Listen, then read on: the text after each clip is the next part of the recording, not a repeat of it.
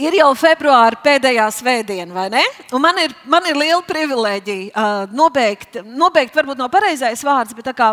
Uh, Uh, nopaļot šo pagājušā svētdienas vārdu. Un es gribu, gribu cerēt, ka jūs atceraties. Es teicu, nepierakstat visas tās manas 101 raksturvietas, jo mēs vienkārši mazgājamies vārdā, bet nosaukumu atceraties. Tēva mīlestības uzvarēts. Tēva mīlestības uzvarēts. Halleluja! Tēvs, Tēva mīlestība. Ja es nācu, lai mūs savienot ar Tēvu, atgriezt atpakaļ. Mēs varam uzskaitīt tik daudz, ka, ko Jēzus priekš mums ir izdarījis, kas viņš mums ir.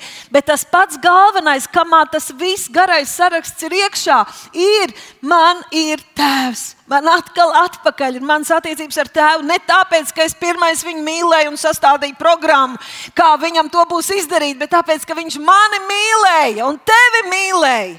Mēs viņam neprasījām, nezinājām, ka vajadzēs. Viņš zināja un jau visu izdarīja un nodrošināja Jēzu Kristu.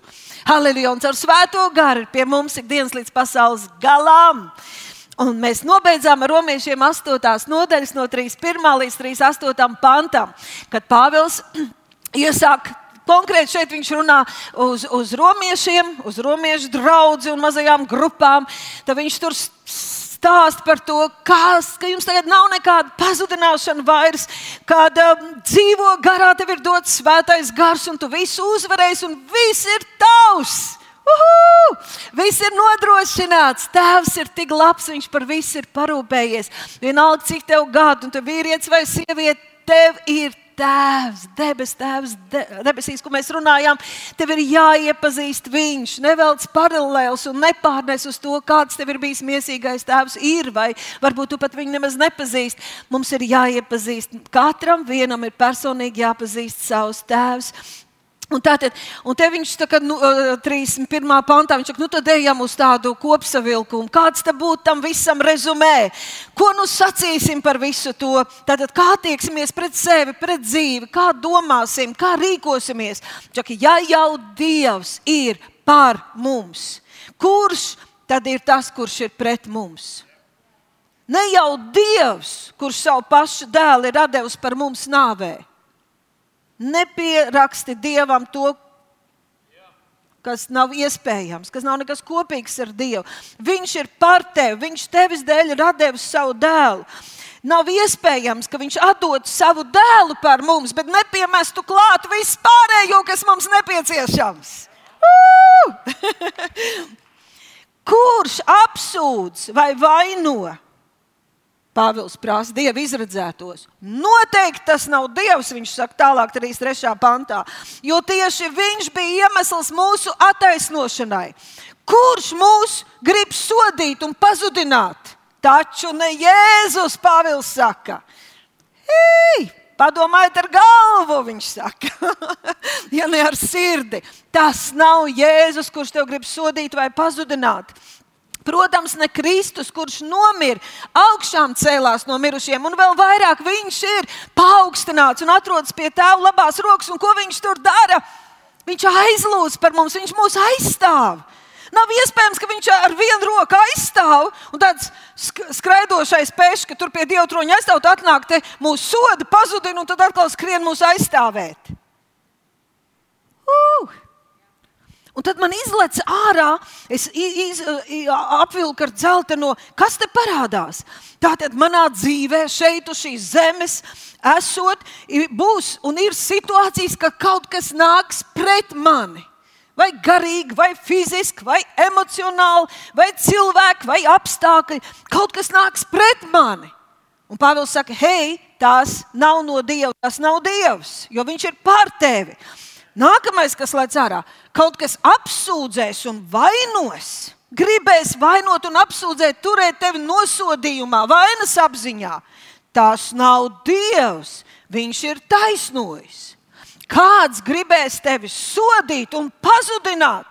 Un atkal Pāvils saka, tas nav Dievs.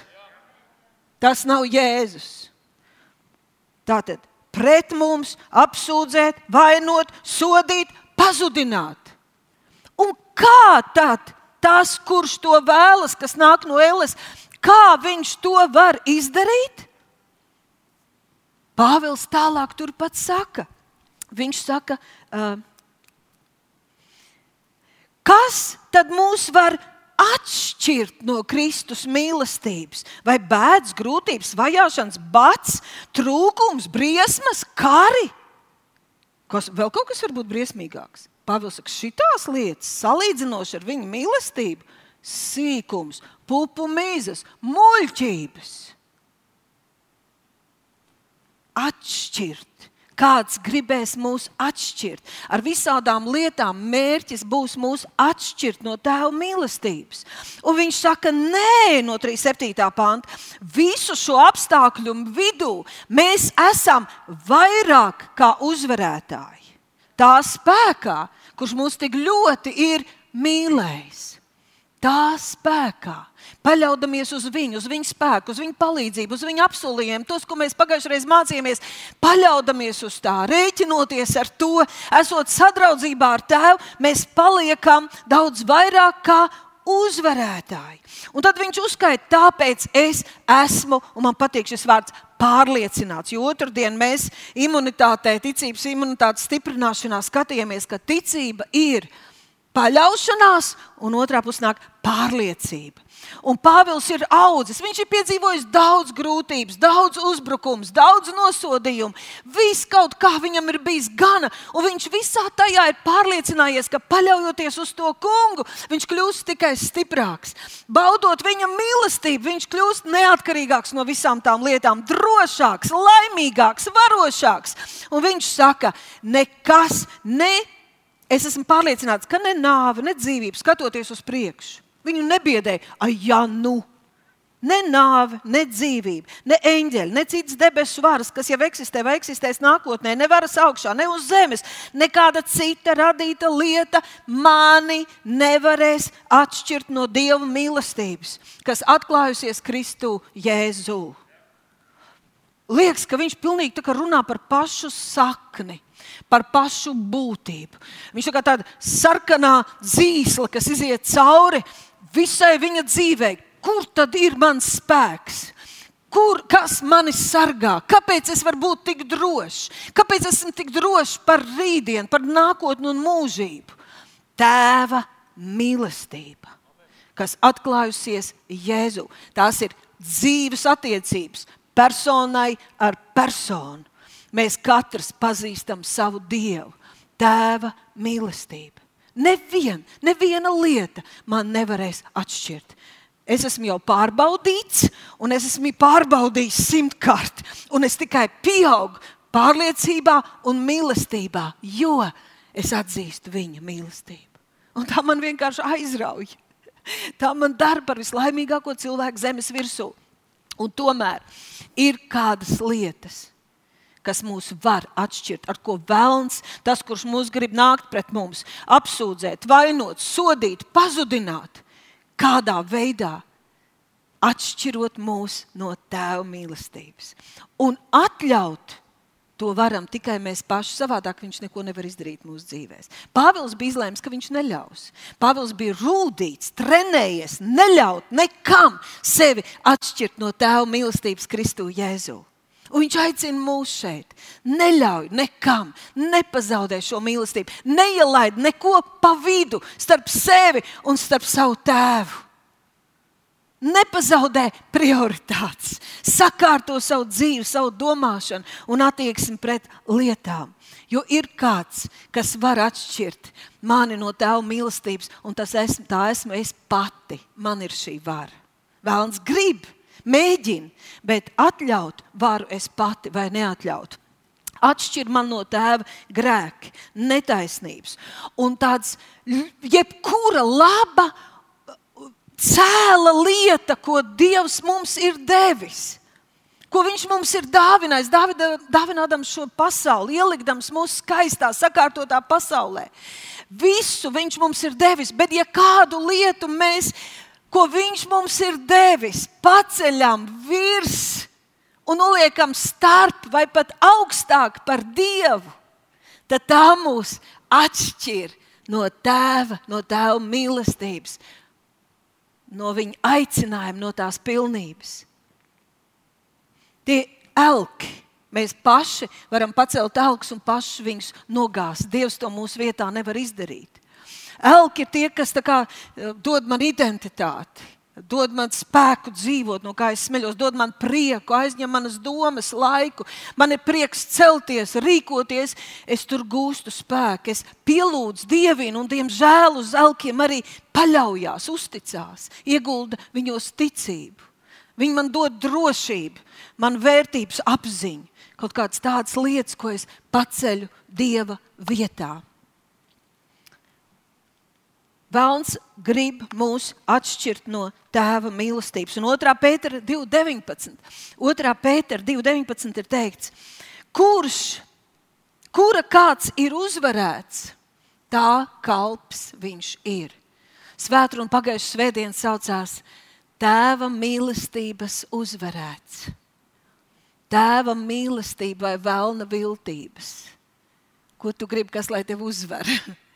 Tēva mīlestības uzvarēts. Ja tēva mīlestība man uzvar, es labprātīgi es izvēlos viņam paklausīt, būt viņa kalps. Dievs nevienu nespiež ar varu, velns ar viltību un varu. Cits tulkojums saka, cilvēks ir tā vergs, kas viņu kontrolē. Caur sajūtām, caur kārībām, caur gribēšanām, paņem un kontrolē. Vēlna mērķis ir atšķirt mani no tēva mīlestības. Tas būtu tas, ko tu, tev vajadzētu atcerēties.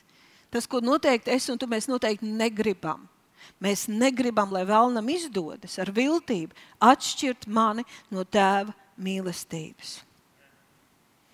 Jo tad viņam izdodas apturēt mani no uzvaras dzīves Jēzu, nozagt man mantojumu, nogalināt man patieso identitāti, man dievbijību. Un beigās es piedzīvoju, tad, kad notiek manas dzīves rezumē. Tad, kad man vajadz, vajadzēs saņemt lielo balvu, ne tikai šeit uz zemes, mēs zinām, bet mēs krājam mantu debesīs, mūžīgajai dzīvei tad mans rezumē varētu izrādīties pilnīgs bankrots. Jo trīs punkti. Nē, esmu sevi iepazinusi un atzinusi, kāds viņš man ir radījis. Nē, esmu iepazinusi un apguvusi savu apsolīto zemi, kurā viņš man ielicis. Un nē, esmu atnesusi tos augļus, ko caur to es būtu varējusi izdarīt. Nē, esmu piepildījis savu aicinājumu. Esmu nodzīvojis garām Esmu iz, izkaisījis sev sīknaudā. Bet, mīļie, lai kur mēs katrs nestrādātu, nedzīvotu, un kur ne, kādos apstākļos nebūtu, Dievs mūs katru vienu ir īpaši izredzējis un aicinājis. Apdāvinājis ļoti specifiski, ļoti personiski. Tieši tāds, kāds tu esi, ar tavām spējām, dāvanām, ilgām, gribēšanām, kādas sfēras tev īpaši rūp un sāp, tas, ko tu vari, ko cits nevar. Un tu esi vidē, kur neviens cits nav, un tu vari izdarīt to, ko neviens cits nevar. Uh! Halleluja! Tāpēc Vēlns grib nogriezt skābekli. Un es varu to nepieļaut. Es gribu būt tēva mīlestības uzvarēta. Un es tagad gribu paskatīties, un Svētais Gars man palīdz to ātri izdarīt. Es centīšos turēties pie papīra. Kāds, kādas no tām lietām, kuras var kļūt par elkiem un sākt mani kontrolēt un verdzināt, un kuru es varu nolikt starp augstāk par Dievu vai starp sevi un Dievu. Un viena no lietām ir pavisam tāda praktiska, bezgalīgi svarīga, bezgalīgi skaista, bezgalīgi izaugsme veicinoša un dieva dāvāta. Tā ir laulība. Skaista lieta. Laulība. Svētība nesoša. Taču tā var arī kļūt laulības attiecības. Attiecības laulībā var kļūt par nāves cilpu, par slazda valgu un par verdzības vietu. Tad, ja, ja mēs laulā to, vai laulība kā tāda, mums ir kāds iekšējais, iekšējais tēls, iekšējā, iekšējais redzējums, ka tai laulībai vai laulātajam ir jāapmierina visas manas vajadzības, manas emocionālās, manas fiziskās, manas garīgās. Uh, kā es rakstīju, uh, tu esi atbilde manai dzīvei, un tu esi atbildīgs par manu dzīvi. Tu esi Tev jāpiepilda man mīlestības krātu, tev jāmīl man ar pašaizliedzīgu mīlestību. Starp citu, tas sievietēm var nepatikt, bet man tiešām dara ļoti uzmanīgi. Vīri var aizvērt ausis. Mēs dzīvojam pasaulē, pēc brīdiņa vēl skatīsimies, ka es kaut ko paklausos, paskatos, un pēkšņi man vienkārši pārņem. Kādreiz tā, tā kā augsta mugura paliek, cik demoniskas lietas notiek un cik precīzi pēc Dieva vārda. Uh, Kad tu pa paskaties, kāds ir raidījums par sevis kopšanu, par laulību, par ģimeni un tā tālāk, es nezinu, pa kuru laiku, bet viss ir tā sagriezies, kad uh, sieviete tiek kultivēta, ka sievietei jābūt dievietei. Esmu dieviete. Nu, kā, es taču at, uh, seks, es tev esmu piedzemdējis bērnu, tā kā es būtu nu, izvarota. Ja, ja trīs bērni, trīs reizes izvarota. Un, un tā, tā nostāja tāda. Un tagad, ja, ja tu gribi būt laimīgs, Un, ja tu gribi, lai bērni būtu laimīgi, tad tev jādara mani laimīgu. Tev man jāmīl, tev jāstrādā, jāpelnā, tāpēc ka tam, tam, tam tas ir tā un tā, un, un vajag vēl to un to, un visiem ir tā. Un tad tev jāatnāk mājās, un tad tev ir jādara vēl kaut kas pa māju, un pēc tam tev ir bezgalīgi jā, jāmīl, uz rokām jānēsā, ceļos jākrīt, roka jābučo. Jo, ja es būšu laimīga, Piedodiet, es zinu, ka eh, mums tas viss ir svešs, bet būsim uzmanīgi no tā gara. E, es, es, mēs atgriezīsimies beigās, un tu sapratīsi, par ko ir runa. Bet tas ir gars, kas var ienest un šķelt ģimeni, ārdīt attiecības, ārdīt mīlestību. Bibliskais skats ir vienmēr ir bijis, ka sieviete ir dota vīrietim kā palīgs. Un, ja es tā skatos, kas notiek, ir skaisti, ka Itālijā tur ir ģimenes un tēvs staigājas ar bērniem. Ir, ir veselīgi, ir labi, tas ir atkarībā no tā, cik bērni mazi, kāda slodze, cik daudz bērnu, kur katrs strādā, cik ilgi strādā, kurš strādā. To skatāmies brīvi, bet to garu. Kad visā tajā šķiet, ka tā sieviete viņai pilnīgi tiek dotas pilnvaras samīca to vīru, iznīcina, pazemo viņu, salauz, rādi, lai visa pasaule uz viņu spiež. Ja, kad te vēl to, vēl tā, tu vēl neproti to, paskaties, kā tas, un tā tālāk, un tā joprojām. Un tas var būt arī no otras puses, ka vīrietim visa viņas dzīve ir, ir, ir tā sieva, un viņš tas, kurš grib pielūgt un atdot, un viņš ir laimīgs, mīlējot un, un nesājot. Hei, bet Dievs tev ir radījis vēl kaut kam vairāk. Un psihologi, jā, vīri, es teicu, vīriem auss ciet. Sievietes aplaudē.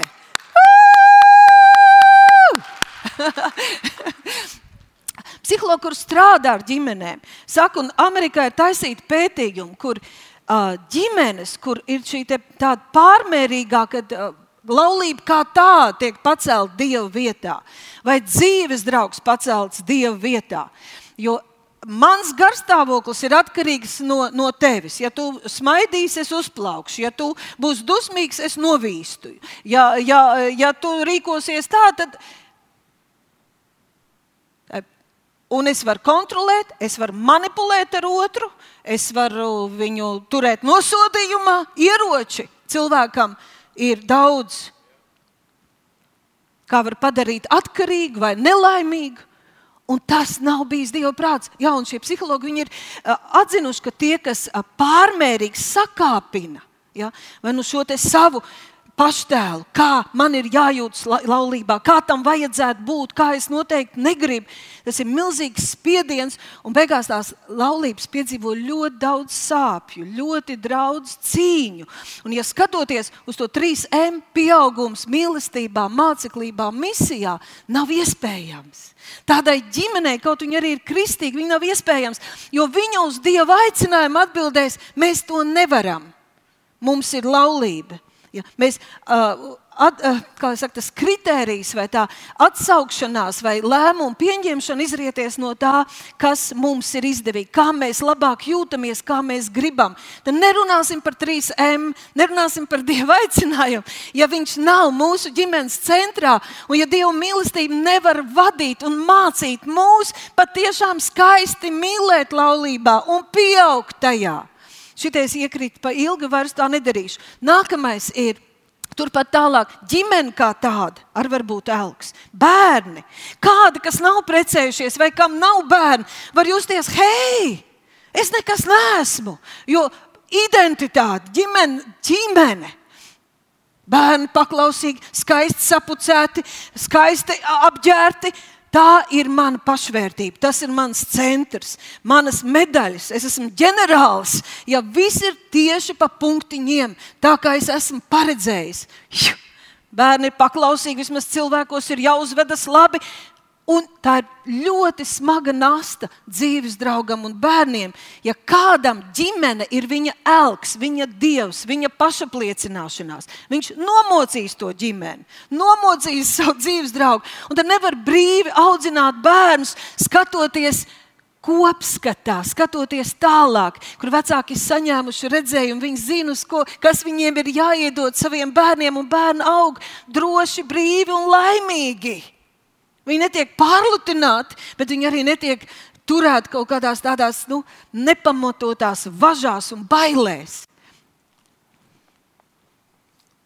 Ja ģimene, ja laulība ir tas, tas, tā mana identitāte, tas, kas man dod spēku, kur es redzu, ka tad es esmu vērtīgs, ka tad manai dzīvei ir jēga, ja tas, ko Dievs man ir devis, dzīves draugu un bērnus, ja tas tiek pacelts virs Dieva vai nolikts starp Dievu, Mēs, ja tā var teikt, aizsienam Dievam rokas. Un, un nevar notikt. Mums kādreiz liekas, ka Dievs mūs grib apzakt, ka Viņš saka, met zemē, met prom. Nē, Kad bērnam tā saka, ka viņš pa zaļu zālīti dzīvojas vai smilškastē, tas nozīmē, ka mamma vai tēvs ir ieraudzījis, ka bērns ir paņēmis rokā sakaltušu kaku, suņa vai kaķa. Pff, met prom! Tas tev neder! Nevis man žēl, ka tu apēdīsi bet man, tas tev neder. Dievs nekad neko negrib atņemt, padarīt tevi nelaimīgu. Viņš nav skops, viņam nav žēl. Viņš grib tieši, lai ģimene būtu laimīga, lai bērni ir svētīti, lai laulātie var pieaugt un attīstīties, un nepaliek infantīli savā attiecībās, atkarīgi viens no otra un nelauž viens otru, bet var brīvi mīlēt viens otru. Māceklība nav iespējama tādai ģimenei, jo lēmumi atkarīgi no tā, ko vēlas ģimene. Pašvērtība slēpjas ģimenes veiksmē un reputācijā. Drošība man ir ģimenes cerību piepildīšanā. Hei, tas ir bišku pamazs sapnis. Tev ir kungs. Tev viņš ir jāiepazīst, viņa, viņam, viņa griba jāuzzina, viņš savā dzīvē, savā ģimenē, savos īpašumos jāielaiž pirms aizvērsim pēdējo reizi savus acis. Jo tas ir lietas, ko viņš ir devis mums. Viņš zina, kā vislabāk. Aleluja! Darbs, karjera arī var būt lieta, kas atšķir. Ir izteikti cilvēki, ko Dievs ir īpaši apdāvinājis ar spējām, ar dāvanām, ar iespējām, ar talantiem. Un viņi ir paredzēti, lai viņi kāptu gan politikā, gan biznesā, gan mākslā. Kāptu, iekarot jaunas virsotnes. Tas prasa daudz spēku un laiku, un paldies Dievam, ka tuvinieki to saprot un atbalsta tajā. Bet, tās lietas kļūst par manu dzīves jēgu, ja mana identitāte, kas es esmu, mana vērtība, kāds es esmu, ir atkarīgs tikai no tā, ko es daru tad sākas kroplība ar personību, tad nekam citam nav jēgas, tad viss ir pakļauts darba iespējām un vajadzībām. Un visa jēga un laime ir tajā, kur es strādāju un ko es daru. Un tas ir bezgalīgi nedroši. Ja tāds ir tavs dievs, uz ko tu paļaujies, tavs elks, tad tas ir bezgalīgi nedroši. Tāpēc tu būsi stresa pilns nepārtraukti. Tev vienmēr apdraudēs kādu, kas var paiet tev garām, un, un, un jebkāda apstākļa var mainīties. Un tavs algs var krist, un līdz ar to arī kritīs un aizies pa pieskaru tavu dzīvi, tavu nervu sistēmu, tavu veselību. Bet, ja tev ir pareizs prioritāts, ja tu pateicies Dievam, Dievs, tu man tādu esi radījis, tu man esi devis šo gribas spēku, tu man esi devis šīs spējas, tu man esi devis šo aicinājumu, es gribu realizēties, es gribu paplašināties, palīdzi man, vādi man, tu esi mans kungs, es gribu paklausīt taviem likumiem, bet es negribu, ka šīs manas spējas, mans darbs, manas iespējas nostājas starp mani un tevi. Es negribu, ka tas, ko tu man esi devis, atšķir mani no tevis. Paldies tev par tām lietām. Un, redzi, un tad ir pilnīgi cita pareiza kārtība. Tur uzreiz ir miers. Tas ir pakļauts kam? Ne jau man, bet varenajam dievam.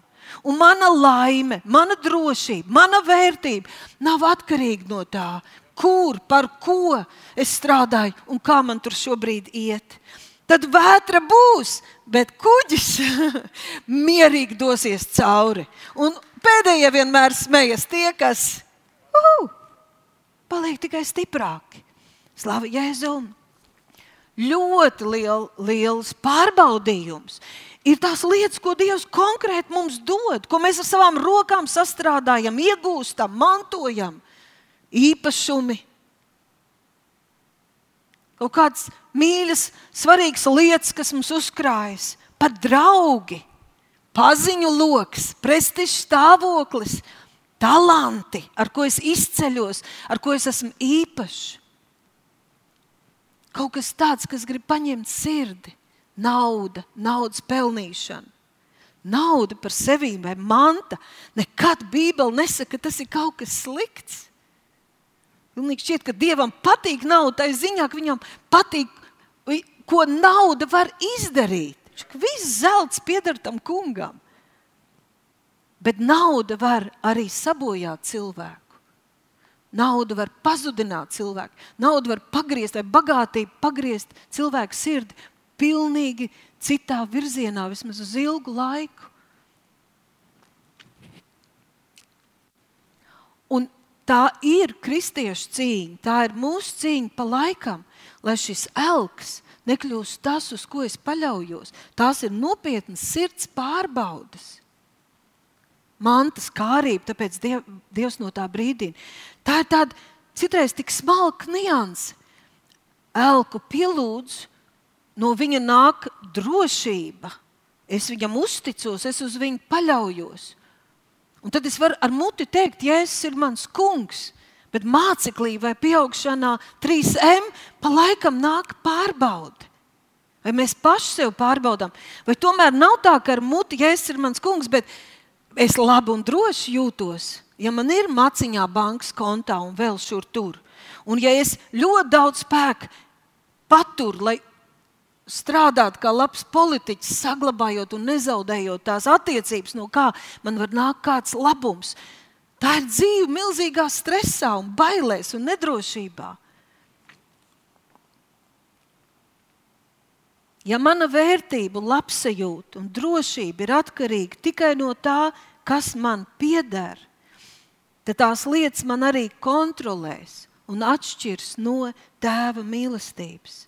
Ja tu esi tikai tas, kas tev pieder un cik daudz tu vari atļauties, tu esi ļoti īsā pavadā. Tu esi viegli ievainojams, jo tās visas lietas ir mainīgas, svārstīgas, paejošas. Tad tavu vērtību nosaka finansiālais stāvoklis, un tavu lēmumu pieņemšana māceklībā ir atkarīga no peļņas iespējām. Vai tas būs izdevīgi? Tu tiec reāli kontrolēts. Tu nevari. Tāpēc, ka nav izdevīgi, tāpēc, ka tev ir iestādīta domāšana, kā Dievs nedomā, kā Dievs neredz lietas. Un ar to ir jācīnās. Tur ir jautājums par sirdi. Māceklim ir jābūt finansiāli neatkarīgam, brīvam. Un tas no, nenozīmē, ka tev ir jābūt milzīgam kontam bankā. Tas nozīmē, ka tev var arī nebūt nekas, vai varbūt ļoti maz, bet tu esi brīvs rīkoties. Tu esi brīvs izvēlēties. tu jūties labi, tavu labsajūta, tavu vērtība nav atkarīga no tā, cik tev ir naudas un kas tev pieder. Un tu vari jebkurā brīdī pateikt, Jā, kungs. Un ja tas Jā, kungs prasīs daudz līdzekļus, tad, kā mēs no rīta secinājām, tas kungs savus projektus vienmēr apmaksā pats. Jā, caur mums, bet viņš parūpēs. Viņš nekad nepaliek parādā. Uh, bet runa ir par brīvību.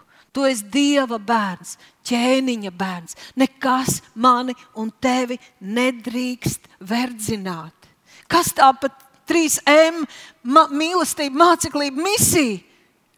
Ja tas ir ar muti, bet visās šais sfērās mēs varam tikt kontrolēti un bremzēti. Un tikko vajag kaut kādu rīcību, tikko vajag atsaukties Dievam, tad mums ir tā kā ir tas piemērs, es tīrumu esmu pircis, es sievu esmu apņēmis, es vēl kaut ko esmu izdarījis. Jā, kungs, tu esi mans kungs. Bet, kad muti vajag atvērt, kad vajag iestāties par kādu, kad vajag palīdzēt kaut ko darīt, mums rokas ir sasietas. Mēs lasījām, Pēters saka, tu esi tā kalps vai vergs, kurš tevi kontrolē, kurš īstenībā par tevi valda. Un tēva mīlestība dod šo drošību un brīvību. Es neļaušu, ka kāds cits mani kontrolēs, virzīs, ietekmēs un valdīs pār mani. Hei! Man ir dārga mana brīvība, man ir dārga mana brīvība Jēzu Kristu. Vēl tāda lieta, eh, kas kontrolē, un tās ir mūsdienu ļoti populāras lietas, ir baudas. Ātras, ātri iegūt, ātri atslēgties, ātri atpūsties. Bet problēma ir tā, ka tas ir kā narkotikas. Nekad nepietiek. Tas tāds par vieglāko pretestības ceļu. Baudīt, baudīt, kļūt atkarīgs no tā. Gribas vēl, vēl vairāk apstulbt, apreipt. Tās lietas ir daudz, sākot ar, ka mēs sakām, rakstvieti, Galtiešiem 5.1. Galtiešiem 5.1. Svabadībai vai brīvībai Kristus mūs ir atsvabinājis. Tad nu stāviet stipri, cīnieties par savu brīvību un neļaujieties atkal iejūgties kalpības jūgā. Hei! Neļauj nekam sevi verdzināt, neļauj nekam sevi kontrolēt. Ne, ne, neesi kaut kā vergs. Neļauj nekam sevi atšķirt no tēva mīlestības. Es esmu tā kalps, kurā, kas mani kontrolē. Man var kontrolēt vēders, e, ēdieni, našķi. Man var kon kontrolēt alkohols, man var kontrolēt milzīgu ķermeņa kopšanu un sevis nešanu. Man var kontrolēt tādu nereāli uzspiests uh, idejas vai idilles, kam, kam sekot, kaut kam nereālam, kas man padara nelaimīgu, kamēr es to nevaru nesasniegt, bet es nekad to nesasniegšu. Tas tā kā horizons, kur tu skaties un nevar pietuvoties. Daudz par to, daudz uz to strādā, lai paņemtu tavu laiku, domas, un tad, kad tev būs, tad, kad tu sasniegsi, tad, kad tu iegūsi, tad, kad tu varēsi vēl, vēl, vēl, vēl miesai nekad nav gala. Un rezultāts - tukša galva, iztērēts laiks, neattīstīta personība un attiecības, zaudēts iespējas un nepiepildīts aicinājums. Un kas tā par māceklību? Ja vērtība ir tikai tā, ko es no tā iegūšu, vai man patiks, kā es jutīšos, kas tā par māceklību? Kas tas par jēzus ir kungs? Ja nav nekas manā dzīvē, vai ļoti reti ir tādi brīži, ka es kaut ko daru ne tāpēc, ka man tas ļoti patīk, bet tāpēc, ka kādam citam to vajag. Un kad es esmu gatavs mainīties, un tas ar laiku sagādā baudu.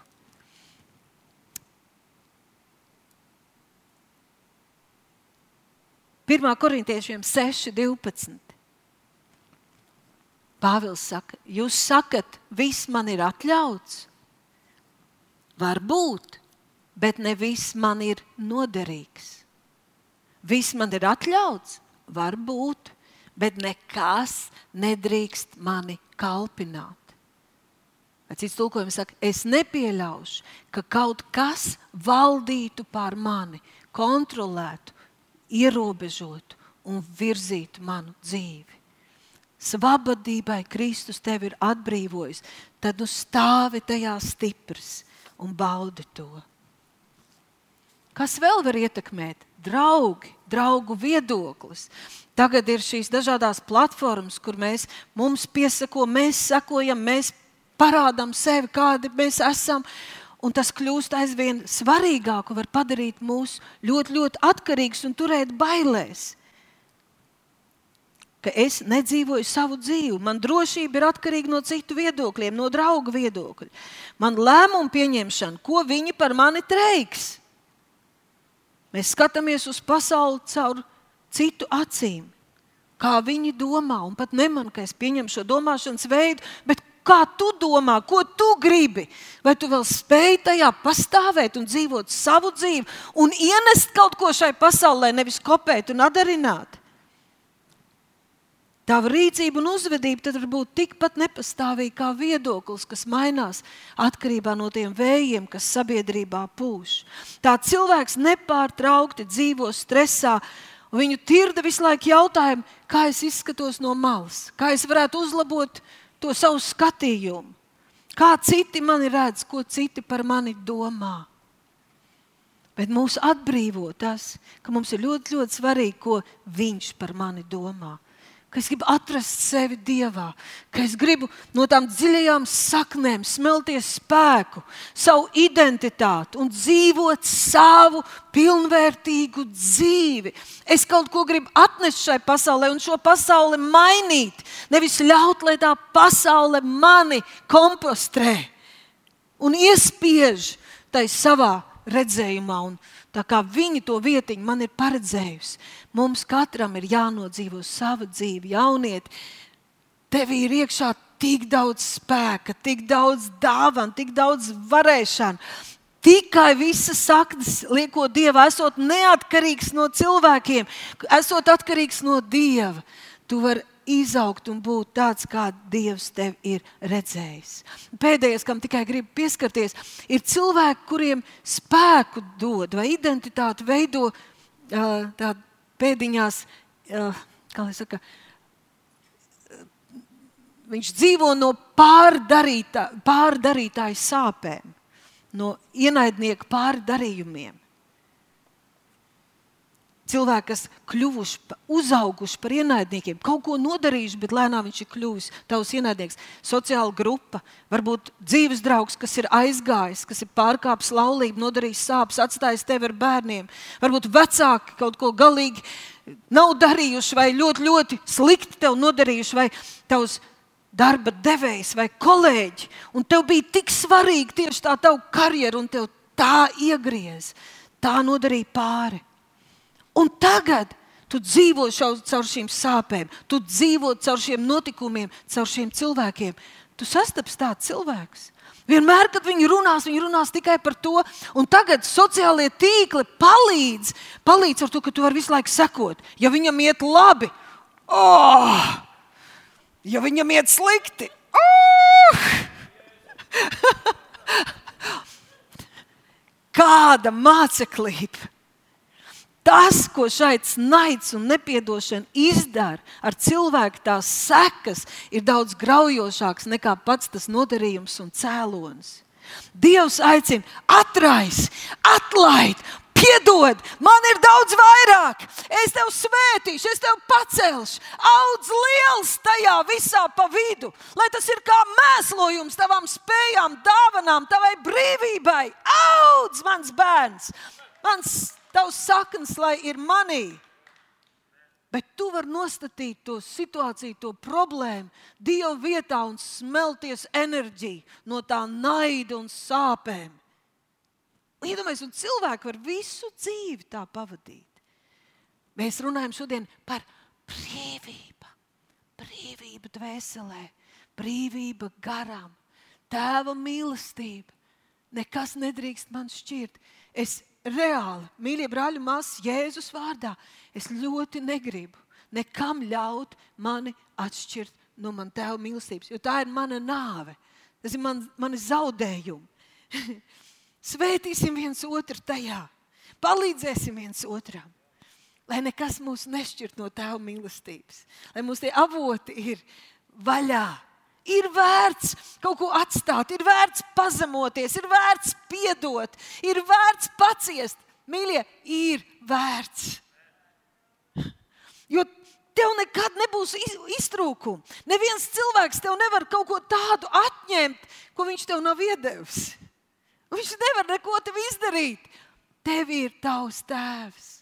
Halleluja! Tu vari dzīvot brīvi, droši, laimīgi, neatkarīgi no apstākļiem. Halleluja! Nu, tas pēdējais, kur, kurā viss sakoncentrējas, sakompelējas, ir tā mūsdienu, uh, mūsdienu kā lai saka, stratēģija, demoniskā virzība. Šīs dienas Dievs esmu es pats. Dievs ir cilvēks. Cilvēks sajūtas, ja man tā patīk, ja es tā jūtos, ja man ir labi, ejiet jūs visi bekot.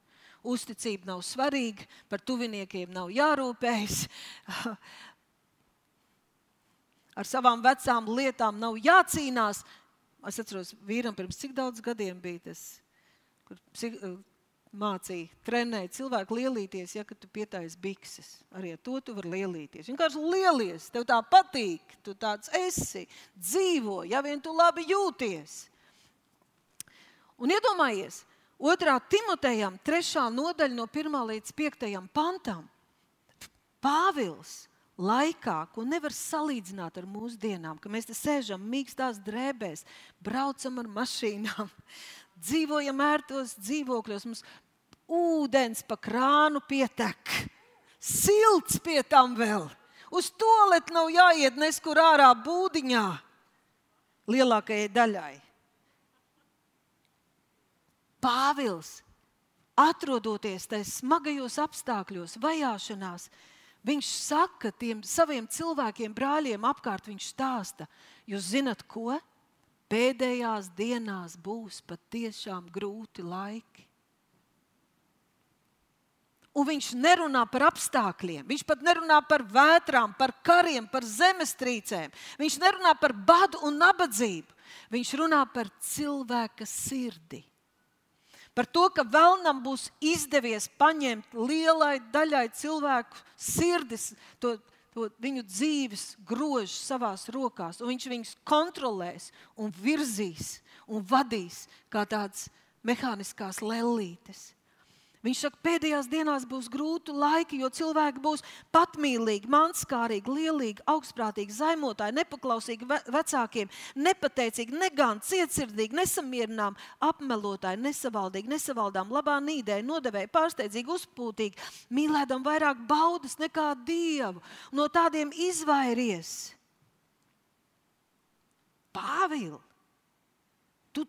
Toreiz brīdina par šiem laikiem un tik precīzi noraksturo jautājums par sirdi. Ar muti Dievs, bet kas notiek sirsniņā? Cik daudz tur ir Dieva, cik daudz īsti gribam, cik daudz ļaujam, lai viņa mīlestība mūs atbrīvo un piepilda un dara patiešām laimīgus, un spēkpilnus un brīvus. Cik daudz mēs neļaujam visam šim kontrolēt, jo te Pāvils uzzīmē to vidi, kādā mēs atradīsimies. Kas notiks sociālos tīklos, žurnālos, raidījumos, televīzijā? Nu, tādas idejas no tādām sirdīm.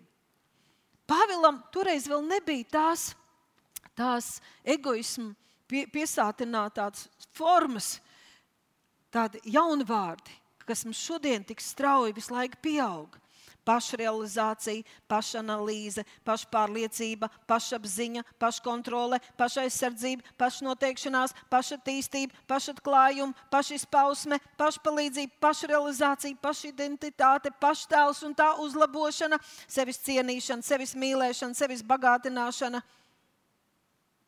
Paļaun, paļaušanās uz sevi, sevis iznešana, sevis kopšana. Sākam šo tēmu. Es tiešām tā vakar iedomājos. Pat runājot tikai par uzacīm, par vienu uzaci. Tur var pavadīt tagad stundas. Jo tur ir tu tur apstrādā, un tad ir pamatbāze, un tad, ir, tad tu iekrāso, un tad tu vēl kaut ko uzliec, un tad tu pēcbāzi, un tad tu vēl uzpūti, lai tas saglabājas. Vienu pumpu var apstrādāt stundām ar desmit pudelītēm.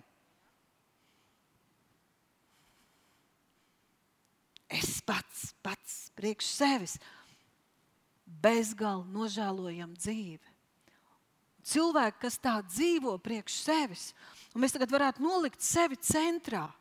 Jūs zināt, uz brīdi ir baigi patīkamā sajūta.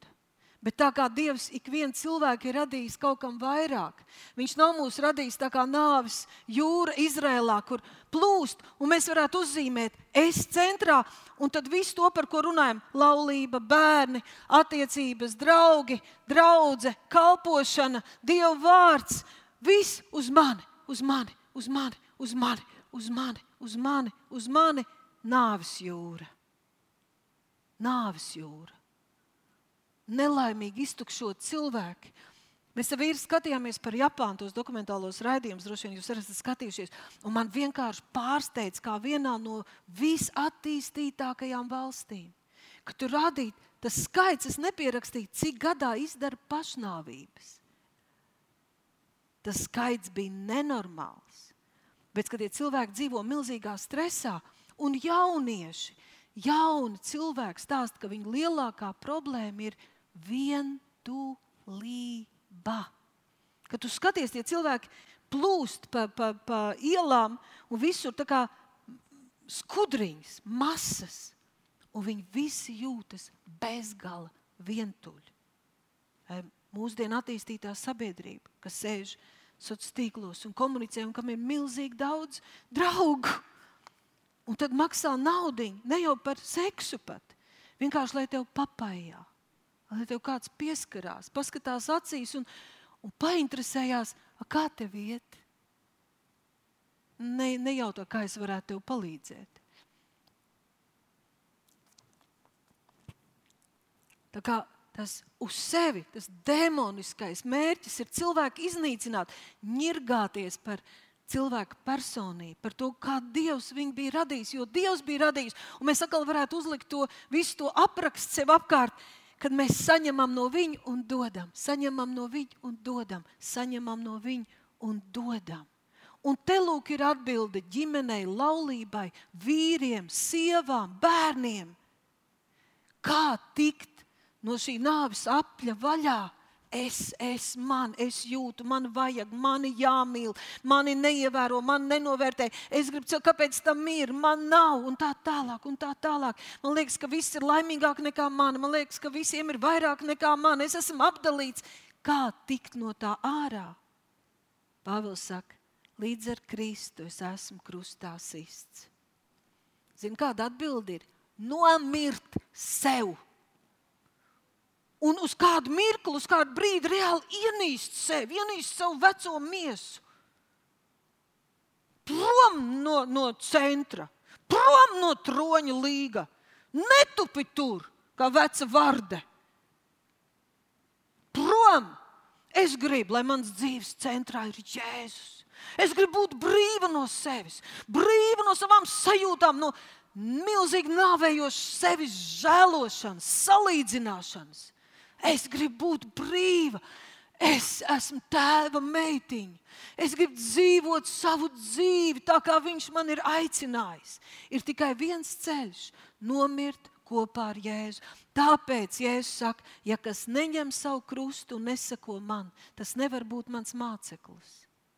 Tā ir vieta, kur tu vienmēr viņš to izdarīja. Es arī varu izdarīt. Līdz ar Jēzu es nolieku savu godu, savu lepnību, savu ego Mums nav jānogalina savs ego. Ego ir laba lieta, bet mums ir jāparūpējas, lai ego dzenas pēc Jēzus. Lai viņš kļūst svēts, tīrs, brīvs, gatavs mainīties. Jo cik daudz laimīgus egoistus tu zini?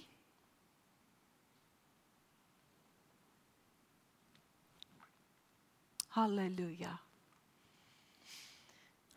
Slavu Jēzum, debes Tēvs, cik labi ir būt brīvam. Cik labi, ka nav jādara mums par savu dzīvību, un par, ka mums nav jācenšas visiem izpatikt manevrēt visu laiku, būt tādam politiķim. Cik labi ir būt brīvam, dzīvot savu dzīvi, atrast sevi Kristu, apgūt savu apsolīto zemi un nest augļus. un nekam, nekam neļaut atšķirt sevi no tēva mīlestības. Tad tā atbilde ir, kad es esmu brīvs Jēzu, lai izvēlētos mīlēt savu dzīves draugu, lai izvēlētos dot, kalpot saviem bērniem, palīdzēt, atbilst, atbalstīt, censties saprast, bet mani nevar piespiest, ar mani nevar kontrolēt, ar mani nevar manipulēt arī mans dzīves draugs. Uhu! Arī bērni. Uhu! Arī nauda, arī darbs, arī dāvanas. Nekas nevar, nedrīkst. Es negribu, ka tas iestājas starp mani un Dievu. Aleluja! Un ja mēs esam izvēlējušies savu mūžību, savu mūžību, uzticēt Dievam, Ir tikai loģiski, ka mums jādara daudz, lai mēs iepazītu savu Dievu Tēvu jau šeit uz zemes un, un, un klausītu viņam.